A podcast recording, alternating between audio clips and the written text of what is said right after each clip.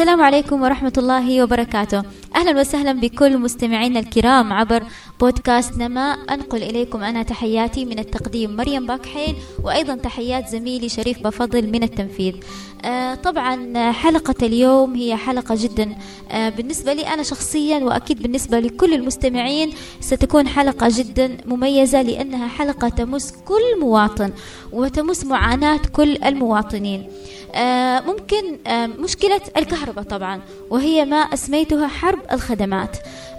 طبعا الخدمات الأساسية في أي آه، مكان هي حق مواطن أو حق المواطن قبل أي شيء حق أساسي للمواطن قبل أن تكون مطلب شرعي له. لكن للأسف نحن في ظل هذه الحرب المستمرة مع تلك الخدمات التي يعيشها المواطن حرب مستمرة تظل يعيشها دائما.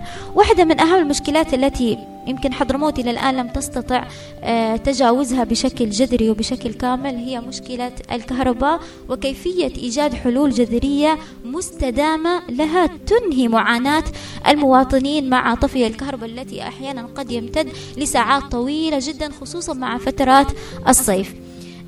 لكن آه، المشكلة الأكبر أنه نحن فعلا نمتلك حلول لهذه لهذه لمشكلة الكهرباء بشكل عام لكن كيف ممكن تفعيل هذه الحلول؟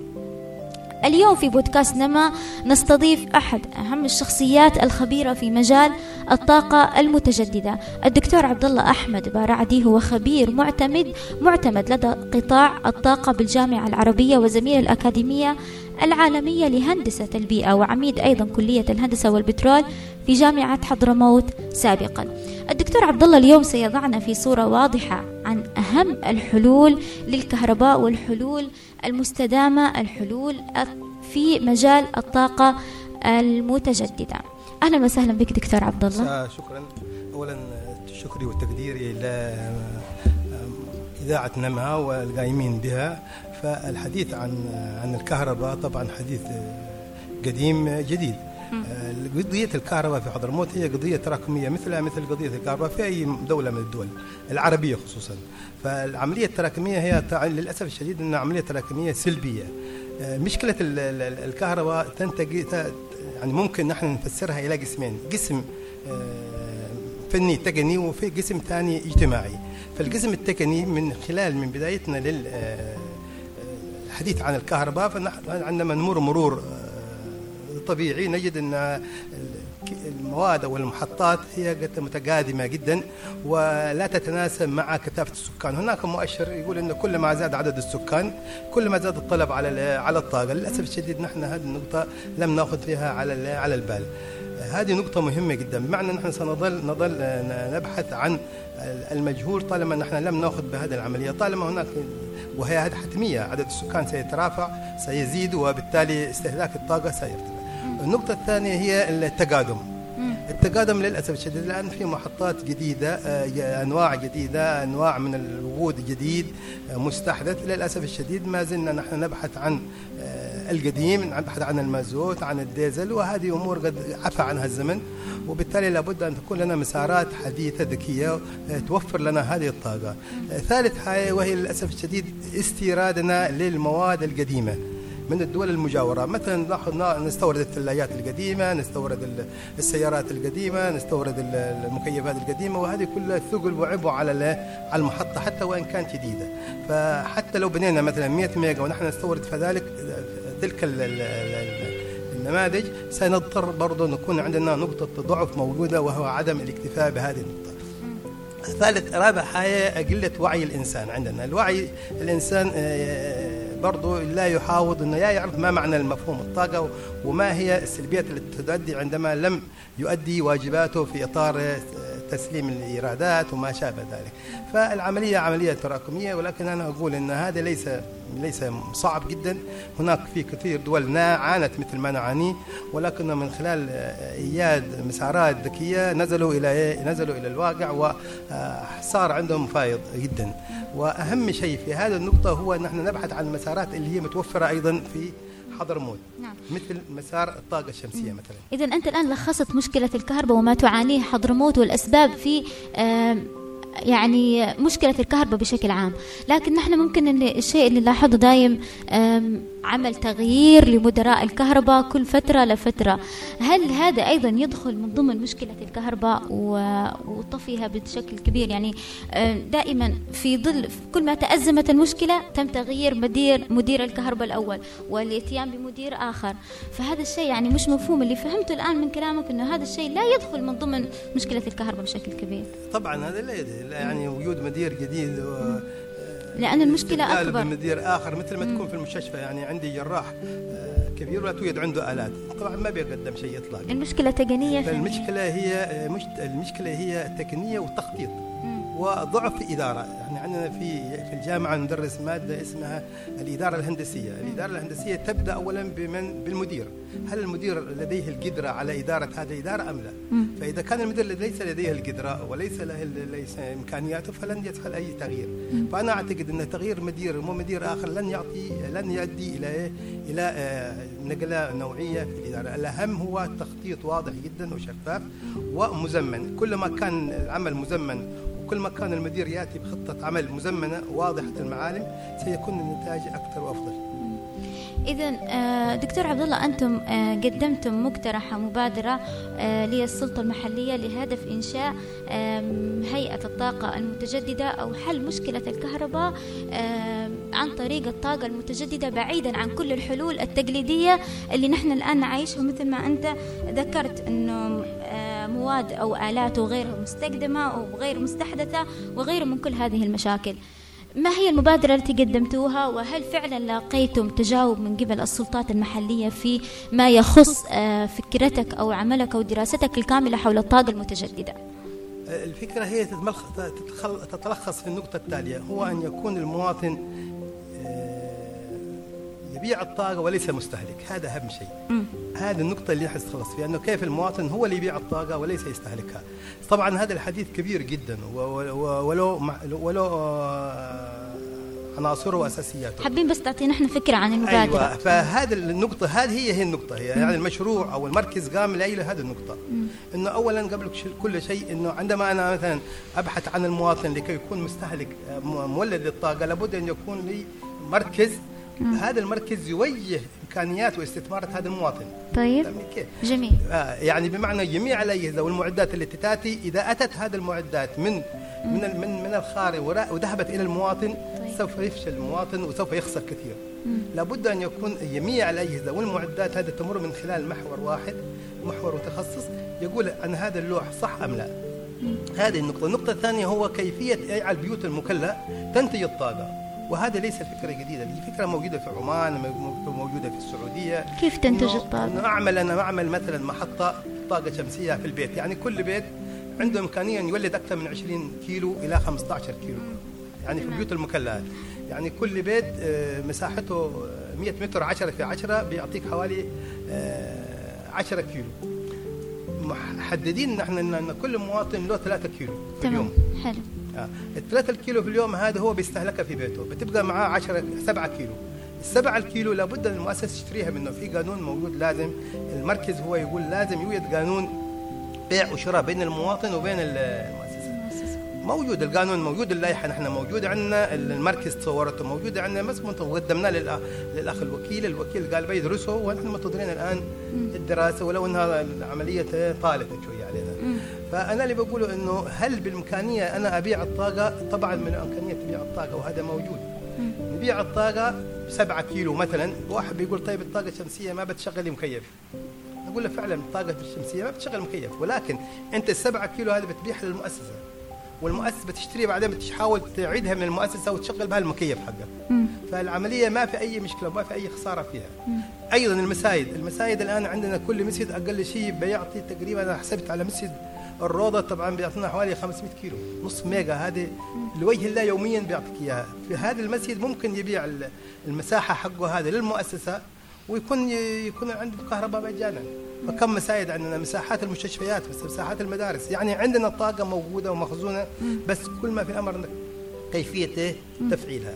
المؤسسة تتحمل مسؤوليتها كاملة إنها لابد تأتي بمسارات حديثة وذكية غير المسارات اللي تتبعها الآن.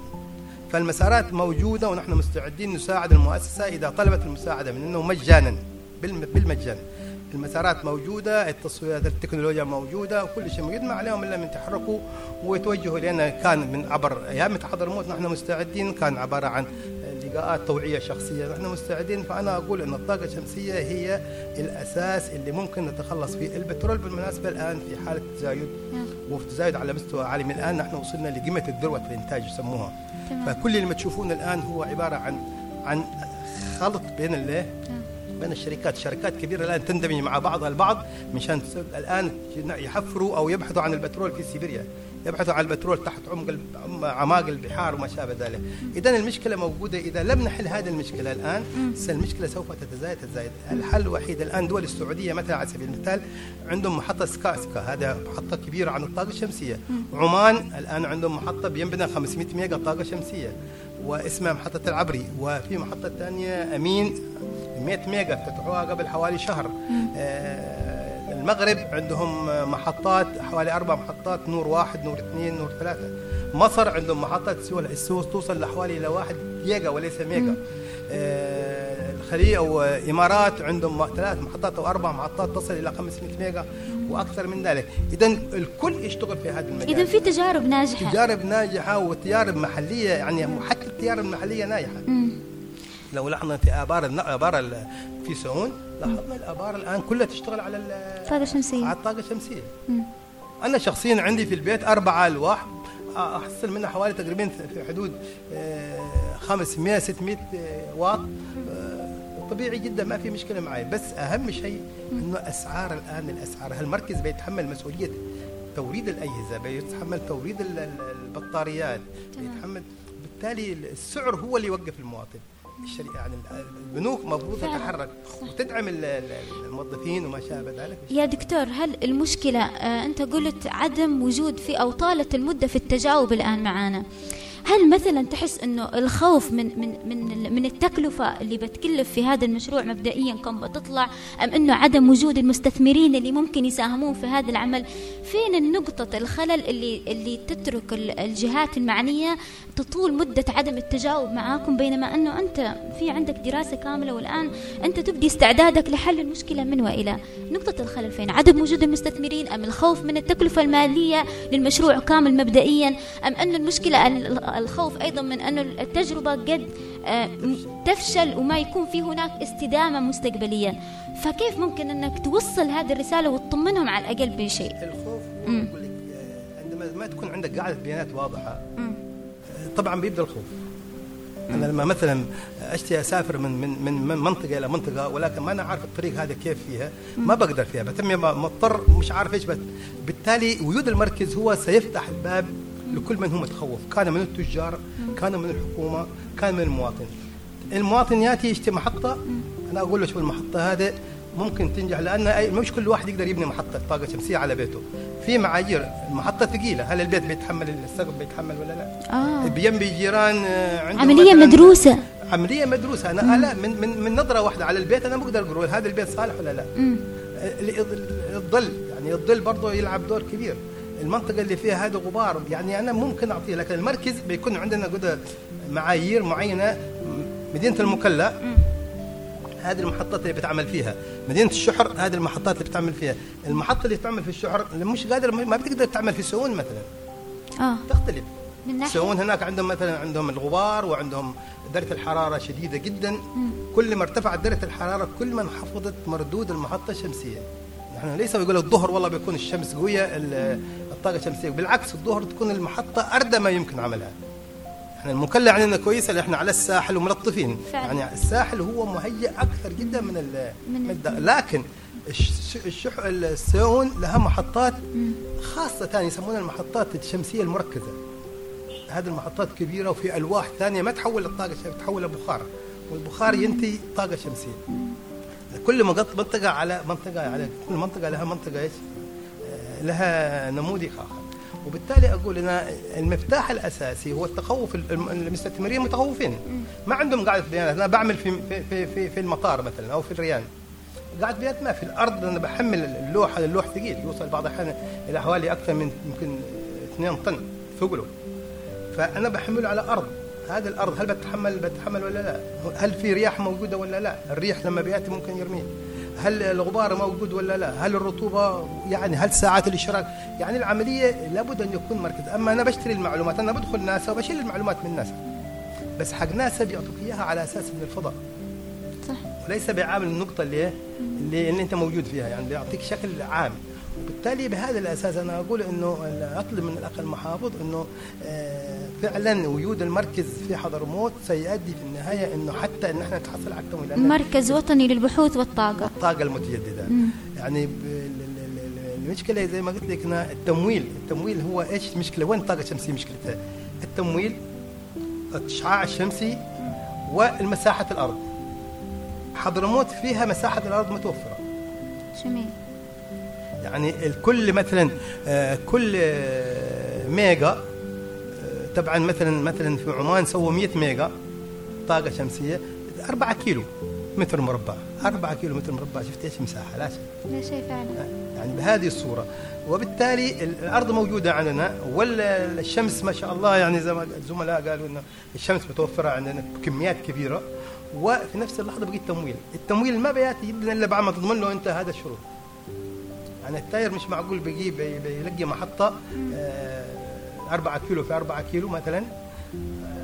بتقول له بتقول له أنت لا بتعطي لي مشاكل. لا اولا لازم هذه الأراضي محددة لكل من يرغب في الطاقة الشمسية. ثاني حاجة أنا برضه للزملاء اللي مشكلة الطاقة المشتراه والطاقه المشتراه حلولها موجودة بسيطة جدا. يعني لماذا لا نجعل هؤلاء اللي يستوردون مثلا الكهرباء بال- بالجديد كهرباء يعني كهرباء تعمل على الطاقة التقليدية ألزمهم أقول لهم شوفوا أنتم يبوا 100 ميجا ولكن 10 ميجا تكون طاقة شمسية و100 ميجا طاقة إيش اسمها هذا تقليدية. أنا متأكد بعد 10 سنين والله هم بيلغوا الطاقة التقليدية بيتحولوا كله من الطاقة الشمسية لأن الربح حقه وتوفر فالحلول موجودة موجودة. إذا من يضمن للمستثمر إن طبعا في مشروع ال- ال- التشريعات. والتشريعات موجودة بس بغيت من فعلها التشريع موجود. أنا مثلا ببيع لك أنا أنا ببني محطة مثلا 100 ميجا. تمام. لازم وهذا عمرها كم؟ 30 سنة مثلا. تمام. هذا من بيضمن لي إنه يشتري الطاقة مني لمدة 30 سنة. مشان ارد أنا يعني هي بترد في حدود 15 سنة بترد قيمتها. من بيضمن لي بهذه الصورة؟ لازم تكون هناك جهة تضمن إنك تشتري منك الطاقة في خلال فترة بنفس السعر هذا. في مصر موجود اللائحة هذه الان وضعت في في السعودية أعتقد موجودة. إنه سعر الطاقة هذه لابد أن تحصل تشريع وأهم التشريع إنك توفر الأرض بالمجان وتوفر لهم سعر ال- ال- الواط الكيلو واط الآن سعر الكيلو واط الشمسي صار حوالي يمكن حوالي 4 سنت أو 3 سنت. في الوقت اللي سعر الكيلو واط بالطاقة ال- ال- المازوت وهذا يوصل إلى 17 سنت. الآن 17 سنت يشتروه وفي الوقت اللي أنا بالطاقة الشمسية بعطيهم اياه ب 4 4 سنت خليها تكبر مع الظروف هذه إلى 8 سنت. ولكن أنت في هذه اللحظة إنه أنت لا زوت لا لا زيت بيكون عليك. ولا نفط عليك ولا صيانة عليك محط يعني العمرة وما العمرة للمواطير هذه. قطع غيار خلاص بتنتهي ما في. كل ما معاك لوح تركبه بس وتغسله بعدين بعد فترة وفترة تغسله بشوية ماء. يعني هذه أيضا هذه الألواح ممكن أنت تعملها مستودعات لك تحت الأرض. يعني اللوح ترفعه على أساس 3 متر وتوضع تحت مست... مستودعات توضع تحت زراعة تربي ماشية تربي أغنام. إذا ممكن تؤدي عمل آخر غير توليد أيوة الكهرباء بهذه الصورة. نحن الحمد لله أن الشمس عندنا عالية والأمطار عندنا قليلة والرياح قليلة والغبار قليل. هذه كلها مؤشرات تجعل الطاقة الشمسية آه، منافس شديد لل- للطرق التقليدية حضرموت مهيئة فعلا؟ مهيئة فحضرموت مهيئة وأكثر من 100% لأن تهيئة أولا نحن أولا أن نحن موجودين على خط استثمار الطاقة الشمسية. على الخط الفلكي هذا. هو استثمار الطاقة الشمسية موجودين. وثاني حاجة نحن موجودين على الساحل. هذا الساحل ممكن نعمل طاقة شمسية زي ما قلت لك ونقوم بعملية تحلية المياه. من البحر. عندما نحلل المياه تبدأ الزراعة؟ بالنهوض اوتوماتيكيا. ويبدأ الإنتاج بتاخذ الأمور يعني الأمور آه، كويسة جدا. بس أهم شيء بدون المركز لا يحصل أي تخطيط لأنه الكل الكل بيت- بيتحدث عن شيء يهمه. المؤسسة لن تبحث عن الطاقة الشمسية لأنها مهتمة بال- بالوجود التقليدي وهذه هي. أصولها كلها وجود تقليدية وبالتالي لا يمكن أنها تتخلى ولكن وجود الم- المركز هذا طبعا هذا المركز هو عبارة عن أداة صلة. بين المحافظ وبين المستثمرين وبين المؤسسة العامة للكهرباء وبين الم- وزارة الطاقة الكهرباء والطاقة. هؤلاء المجموعة الم- المعهد هو بيقوم بعملية التنسيق بينهم. يعني بيتواصل مع الشركات العالمية بيوفر الشركات العالمية للمستثمر.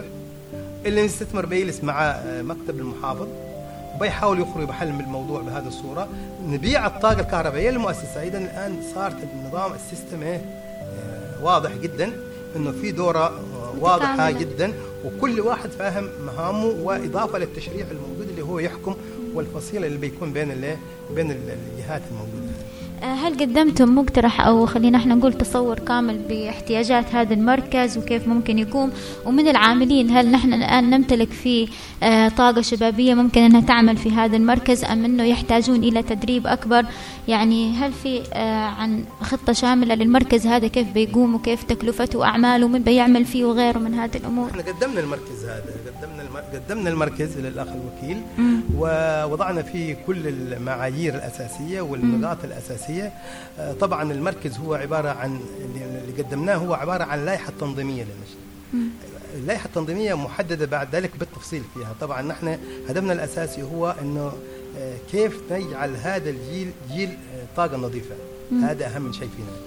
فالمركز طبعا ال- ال- بالمناسبة إنه آه، لو رمينا مثلا مليون للبترول بيعطينا وظيفة عمل واحدة.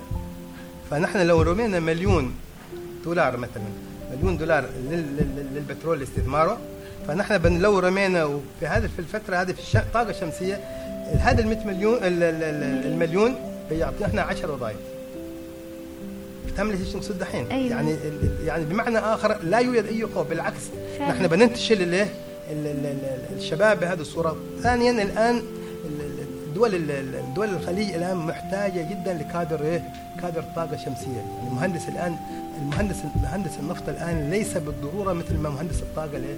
المتجدده والشمسية الان الكل منتقل الآن متوجه لهذه الصورة لكن لا يعني ان مهندس النفط لا يقدر يشتغل لا باعاده تأهيله لمدة مثلا آه، ستة أشهر ممكن ينتقل إلى إيه؟ إلى الطاقه الشمسيه ويعمل بكل بساطه الطاقه الشمسيه وطاقة الرياح. فأنا أقول إنه يعني الطاقة الشمسية بالعكس هي بتعطي دفعة قوية للتنميه حتى صاحب المصنع. يعني صاحب المصنع ممكن يعمل له محطة ولا ولا يرجع للحكومة اطلاقا بل بيبيع لل- للمؤسسة العامة للكهرباء.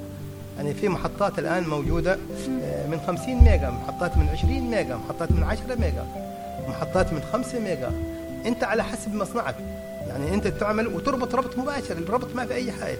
هذا محطتي موجودة طاقة شمسية في خط ما يمشي إلى المحول والمحول بيعطي ال- المؤسسة، ما في أي تعقيد فيها. هذا الطاقة النووية خطيرة. تشتي علماء وتشتي. أما هذه ماشي فيها. دكتور عبد الله ما شاء الله لكل مشكلة حل والله نحاول فعلا يعني وجود قاعدة وجود استثمار وجود إشعاع شمسي مناخ آه، وغيره من كل هذه المقومات اللي حضرموت أصلا تمتلكها آه، مهيئة جدا لأن إحنا نخوض تجربة الطاقة المتجددة آه، بشكل بسيط فقط وجود في نح. في نحن نقول بالضبط خطط واضحة أو عمل جاد لأجل إنشاء المركز وإدارته من قبلكم آه، مشكلة التمويل كيف ممكن أنها تحل؟ شوف التمويل هي الآن الجهاز يعني الدول ال- ال- ال- ال- جميع الدول العالم الآن راصدت مبالغ للتمويل وراغبة في الاستثمار في أي دولة كان ولكن الاستثمار مبني على معايير. اولا إنك لا تأخذ من كل شركة منها أبو ظبي. هناك شركات عشر شركات عالمية. هذه اللي أنت لو أشت... لو لو بدأت تتحدث معها ممكن الدول التمويل يأتي لك بكل بساطة. لسبب أي تمويل لابد أن يكون له رأس مال.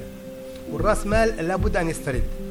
والاسترداد يتم في خلال 20 15 سنة على حسب هذا فأنا لو جبت شركة معينة ما مش معروفة وأعطتنا آه، ضمان مثلا 20 سنة ممكن هذه الشركة بعد ثلاث سنين تفلس. ومن بيمسكها؟ لكن عندما تأتي من شركة أنت معروفة آه، هذه الشركات المعروفة في الطاقة الشمسية هذه تعطيك ضمان وعندها أصول عالمية هذه الأصول ممكن هي المرجع الاخير في حالة الإفلاس. وبالتالي كل شركة أو كل تمويل يربطك بالشركة من هي الشركة التي تتعامل معها. وما في أي مشكلة. أنا عندي عندي أكثر من مشروع موجود إنه مستعدين إنهم ي- يعملوا تمويل ولكن أهم شيء إنه يكون عندك أول مرة تشريع وقانون. التشريع تشريع القانون- موجود أنت قلت. التشريع موجود بس مش مفعل. آه. موجود يعني موجود من زمان في بس مو هو مفعل. تشريع على مستوى الجمهورية يعني. طالبا طالبا التشريع وطالبا السعر. أول ما تسأل على تاير يقول لك أنا تقول له ركب لي طاقة شمسية. طيب يقول لك طيب بكم بتشتري الكيلو مني؟ مم. مثلا تقول له أنا بشتري منك الكيلو ب 10 ب 10 ب 10 سنت موافق بس المؤسسة ما بتوافق. فعلا. لابد إن جهات تتحمل مسؤولية. برضه المواطن حتى المواطن ممكن الآن في السعودية موجوده وفي عمان موجوده عندهم ساعة يقولون الساعة المعكوسة. يعني انت تركب طاقة شمسية وتستهلك ال- الطاقة. إذا زاد عنك يبدأ جزء منه هو يوديه لل- للمؤسسة. اوتوماتيكيا في العداد. في الليل يسحب منك حقك اللي اعطيته المؤسسة. الفارق تستلمه آخر الشهر. أما بالسلبي أو بالايجابي فالقضية صارت وما في داعي حتى من. حتى سرقه التيار بتقل. المردود هذا يقول لك 60% ضياع وهذا ما بيكون لأنه الحافظ بيحافظ كل واحدة على طاقته. كل مؤسسة أنا عندي مشروع موجود زي هكذا قدمته آه، حددت المناطق اللي موجودة مثلا حددت الصحة وحددت المساجد حددت ال- ال- المؤسسات الحكومية مثلا زي الصحة المفروض تبني نفسها المساجد المصانع كل واحد مثلا بس مثلا ال- ال- المستشفى لو أخذت 10% من الطاقة الكهربائية هذه اللي تشتريها وحولتها إلى طاقة شمسية ممكن بتسرد بتس- بتحل مشكلتها. كيف؟ واو. يعني ال- بدون خسارة يعني الدولة ما تدخل في هذه الصورة ما بتخسر أي ولا رجال واحد. أنت كم تسلم عندك في الميزانية والله هذه المؤسسة عليها مثلا آه، 200 ألف مثلا في الشهر. جميل من ال 200 ألف هذا عطنا 10% 10% من ال 200 ألف بشتري له طاقة شمسية وبروح عند واحد تاير بقول له والله أنا معي 200 عطنا إياها بالإيه؟ بالآجل مم. ويبني المحطة بيبني لي المحطة المحطة بترد المبلغ اللي أنا أخذته يعني أصلا في ربح. ربح موجود. مم. ربح موجود. ولولا الربح ما كانت الشركات الآن آه، تبني بمئات ال- ال- الكيلوواتات بمئات ال- الميجات. فعلا. صراحة جالسة طول الحلقة إني نفكر في كلامك وبس فحتى الأسئلة ضاعت مني صراحة. بجد فعلا نتمنى إنه يكون في تجاوب في مثل يعني مشكلة المواطنين سنين سنوات طويلة وهم يعانون منها والحل موجود آه، قدامنا ونحن زي اللي يشوف ال- الحل أو النور ويرجع مرة ثانية يلف يرجع للظلام. فأتمنى فعلا إنه يكون في حل ويكون في ده. لكن آه، دكتور تعرفنا على آه، فكرتك في إنشاء المحطة أو آه، بشكل عام وفكرة حل مشكلة الكهرباء بالطاقة المتجددة. بس أني حابة نوصل للمواطنين اللي ممكن ما عندهم آه، يعني آه، خبرة كبيرة جدا كشخصك في مفهوم الطاقة المتجددة إيش هي وإيش أهميتها وكيف ممكن تعود بالنفع الكبير على المواطنين. تعطي المواطن لمحة بسيطة عن فكرة الطاقة المتجددة. شوفي هي الطاقة الشمسية هي الطاقة الشمسية طاقة مجانية. الله سبحانه وتعالى وهبنا فيها. أجدادنا كانوا يستخدموها يعني. كانوا كنا أول يعني نجفف فيها ليه؟ نجفف فيها الأسماك، نجفف فيها الثياب، نجفف فيها. يعني موجودة الطاقة الشمسية من أول النخيل والتمر وما شابه ذلك هي موجودة. وهذا نقولها نحن الطاقة لا السلبية. لكن الإيجابية اللي نحن نحاول فيها نحن الطاقة الشمسية كيف نحن نأخذ الشمس ونحولها إلى كهرباء. هي ثلاثة عناصر أربع عناصر موجودة. فيها لوح شمسي أركبه فوق البيت. تمام. واللوح الشمسي فيها بطارية. وفيها جهاز يسمونه ال- ال- الانفرتر أو المحول يحول لأن الطاقة الشمسية تعطيك 12 فولت. وأنت بيوت اجهزتك كلها على 22 فولت آه، 220 فولت و- فولت. وبالتالي هذا الجهاز يأخذ 12 ويحولها ل 220 هذا كل ما في الأمر. ركب اللوح ووجهه في تج- وجهه نحو نحو الجنوب على ارتفاع محدد قدم محدد زي الدش لما تثبت الدش على محطة من المحطات. واتركه خلاص ال- الوية كل ما في الأمر بعد أربع أيام أو بعد أسبوع تطلع تمسحه كهرباء عندك موجودة كاملة تحت. مشكلته ان الكلفة. الكلفة غالية شوية وبالتالي لابد أن تتدخل البنوك بعملية دعم كل من يرغب في هذه اللي شراء هذه المحطة. الخوف ماشي فيها. بعضهم يقول لك والله هذه الألواح الشمسية ممكن تسحب الصواعق وممكن تسبب مش عارف إيش لا الطاقة الشمسية ما في مشكلة فيها. المشكلة موجودة. ممكن تعمل لك مشكلة إذا أنت ما أردت. كل لوح لابد تعمل له تاريت مثلها مثل الثلايه يعني الثلايه مش تارتها أيوة. المكيف تارته. إذا ما أردت بيلاقي لك مشكلة هذا اللوح. أما مشكلته ما في. ثاني حاجة هل الأمطار تغير على اللوح؟ لا اللوح إن شاء الله تغسله بالماء يوميا ما في أي مشكلة فيه. مخطط. بهذه الصورة. الشمس هل يؤثر على اللوح؟ لا الشمس ما تاثر على اللوح. إيش اللي ياثر على اللوح؟ التراب. إذا تجمع التراب يسبب مشكلة يسمونها نحن ليه النقط ال- النقط الحارة هذه تحصل له زي شفت اسمه إيه؟ العدسة المكبرة أيوه زيها هذه نقطة التراب تعمل تحتها زي النقطة هذه وتحرق الكل بالتالي أنت بعد كل ثلاث أيام تقوم بعملية إيه؟ مسحة بس. مسحة مم. من من من يقدر يشغل هذا اللوح أي إنسان أي إنسان حتى مش متعلم آه، بيشغل اللوح دكتور عبد الله عندك آه، كلمة أخيرة حابب توصلها والله كلمتي الأخيرة إنه أو أي شيء حابب تضيفه. إنه, حان الوقت أن تكون الطاقة الشمسية هي آه، من الحلول ال- ال- الأساسية للتخلص من العجز اللي نعانيه إحنا في المحافظة. يعني بدون بدون مسارات ذكية وأقصد بالمسارات الذكية وهذا تكلمت أكثر من مرة هو البحث عن مسارات غير المسارات التقليدية مم. بهذه الصورة لأنه سعر المازوت والبترول في تزايد. الم- المخزون الموجود العالمي على مستوى العالم في انخفاض. وبالتالي آه، الطاقة الشمسية نحن نتمنى أن يكون عندنا مصنع للطاقة للألواح الشمسية مصنع للبطاريات مصنع للانفرترات وهذا كلها ليس معقدة يعني ما هي معقدة؟ كلها تكنولوجيا بسيطة جدا ومش معقدة. وتحتاج التع- الت- الت- ال- ال- التعاون.